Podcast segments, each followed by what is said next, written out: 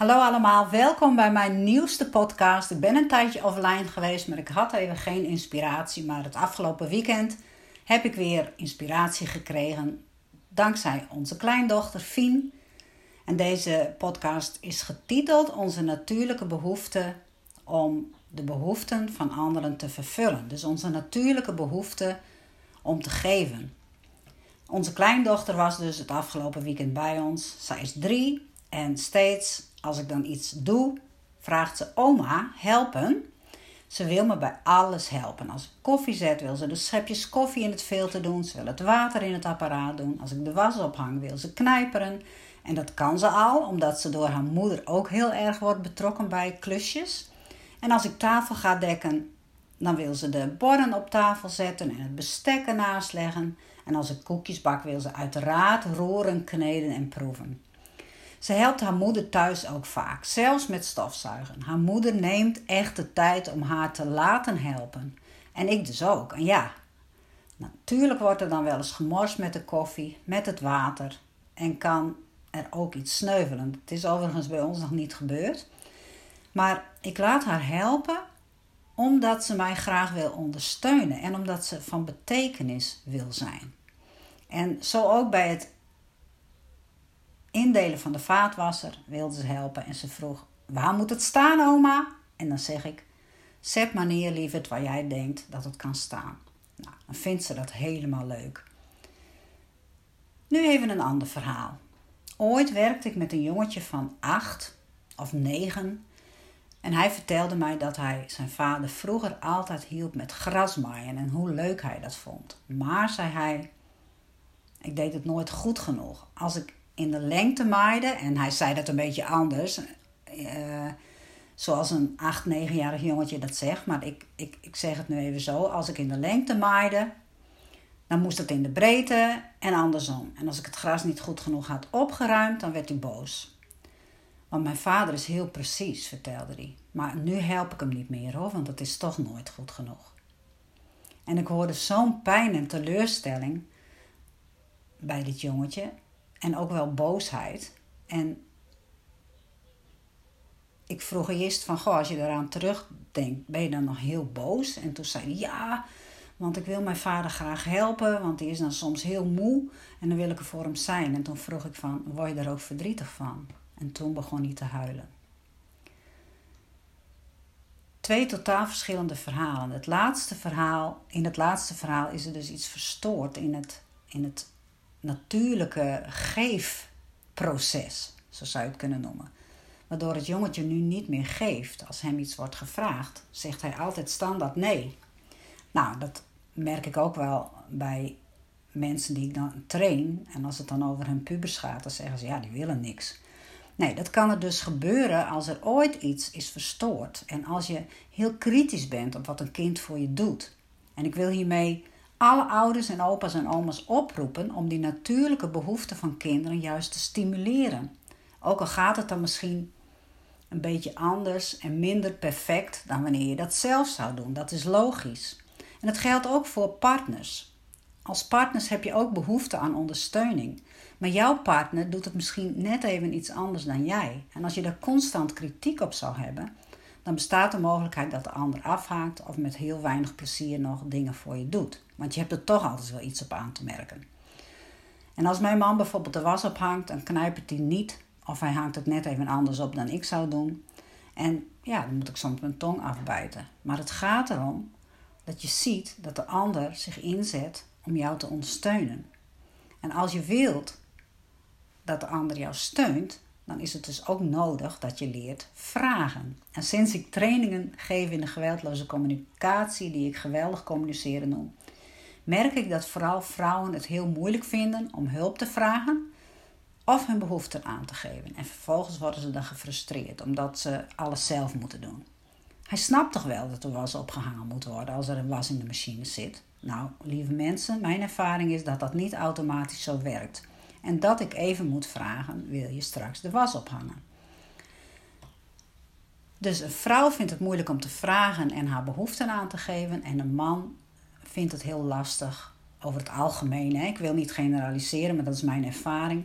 om zijn gevoelens te uiten. Dus als jij continu kritiek hebt op hem, dan zal hij niet uh, heel snel uiten dat hij daar uh, verdrietig over is, bijvoorbeeld, of uh, teleurgesteld over is. Dan gaat hij misschien in de verdediging of in de aanval. Zo kan dat heel goed gaan.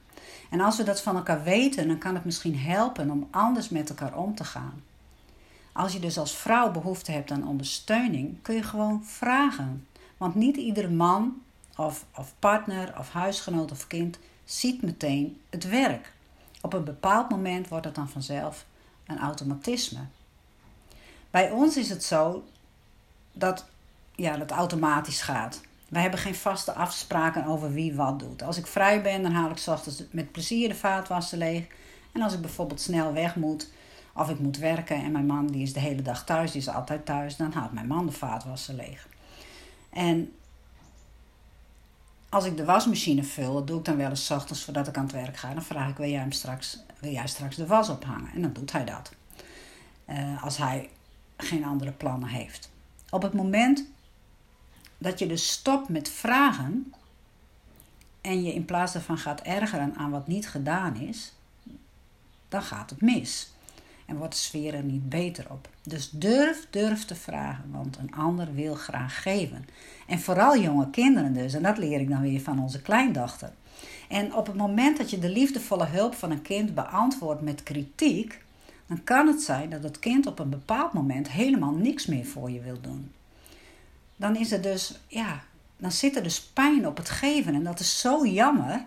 En ooit had ik een vrouw in de training die zei dat haar zoon niks voor haar wilde doen. Maar ze had nu natuurlijk van mij tools gekregen om geweldloos te vragen. En dat had ze ook gedaan. Ze had tegen haar zoon gezegd: Nou, ik moet de hele dag werken vandaag. En ik zou eh, graag wat ondersteuning van je willen. Zodat ik vanavond ook nog even tijd voor mezelf heb. Zou jij vandaag willen stofzuigen en de vaatwasser leeg willen halen? Heel concreet en specifiek. Haar zoon zei hmm. Dus die zei niet ja, zei niet nee.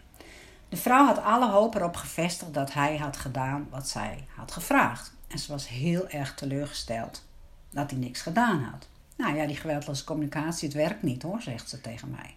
Maar ik vroeg, wat heb je toen tegen hem gezegd? Toen je zag dat hij niks gedaan had. Nou, ik heb gezegd dat hij lui en onverantwoordelijk is. Aha, zei ik. Dus het was geen verzoek, het was een eis. Ja, als je het zo bekijkt, zei ze. En je weet pas dat iets een eis is als je boos wordt als iemand niet doet wat je van hem of haar vraagt. Of vroeg. En dat is de valkuil bij het doen van een verzoek. Ieder element van de geweldloze communicatie heeft een valkuil. En als je de valkuil van het doen van een verzoek is dat het een eis is. Dus als je iets van een ander eist, dan kan die ander het doen. Misschien uit angst voor straf of uit plichtsbesef. Hij kan het van harte doen, maar hij kan ook rebels worden en het niet doen. En dat deed deze jongen dus. Want als je een cursus geweldig communiceren doet en je gaat dit toepassen bij je kinderen, dan kan het zijn, dan is de kans juist groot dat je kind niet meteen doet wat jij vraagt als jij je behoeften aangeeft. En de reden hiervan is in de meeste gevallen, of kan zijn, dat jij voorheen eisen aan hem stelde. En daar zit misschien zoveel pijn of, of boosheid op dat je kind eerst moet leren vertrouwen dat je geen eisen stelt, maar verzoeken doet. En als je een verzoek doet, dan mag een kind ook nee zeggen.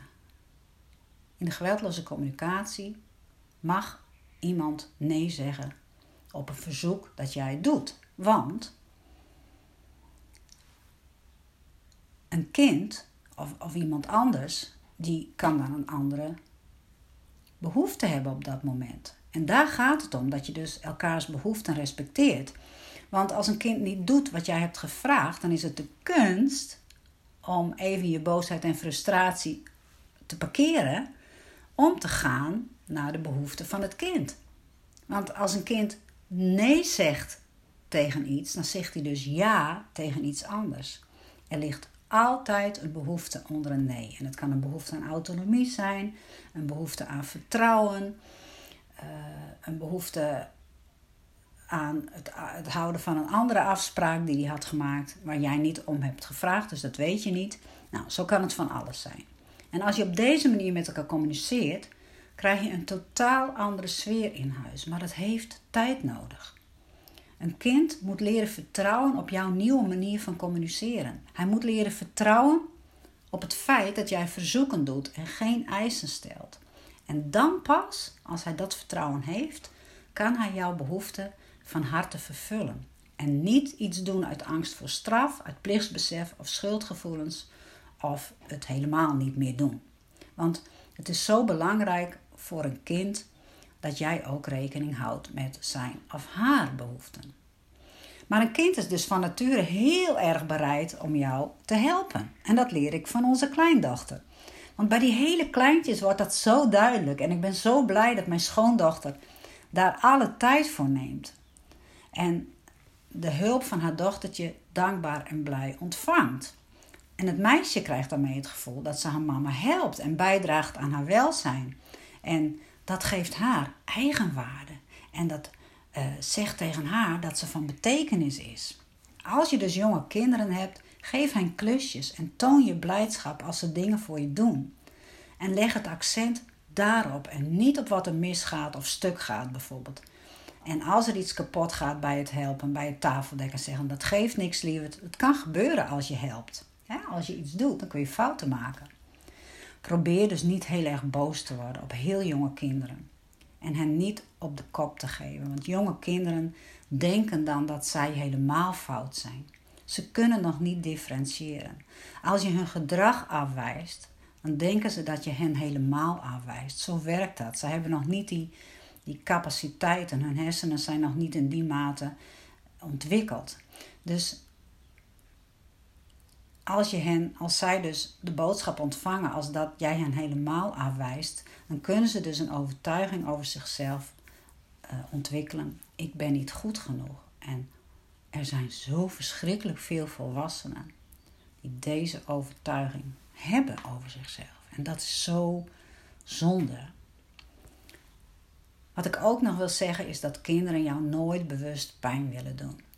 Kinderen zijn aan het spelen en ze willen jouw reacties testen. En ik merkte dat dit weekend ook. Als ik haar s'avonds de pyjama aan wilde doen, renden ze weg. Dat, dat, dat, dat vinden kinderen leuk. Dat is hun spel. En dan reageer ik niet of ik ren achter haar aan en maak er een geintje van.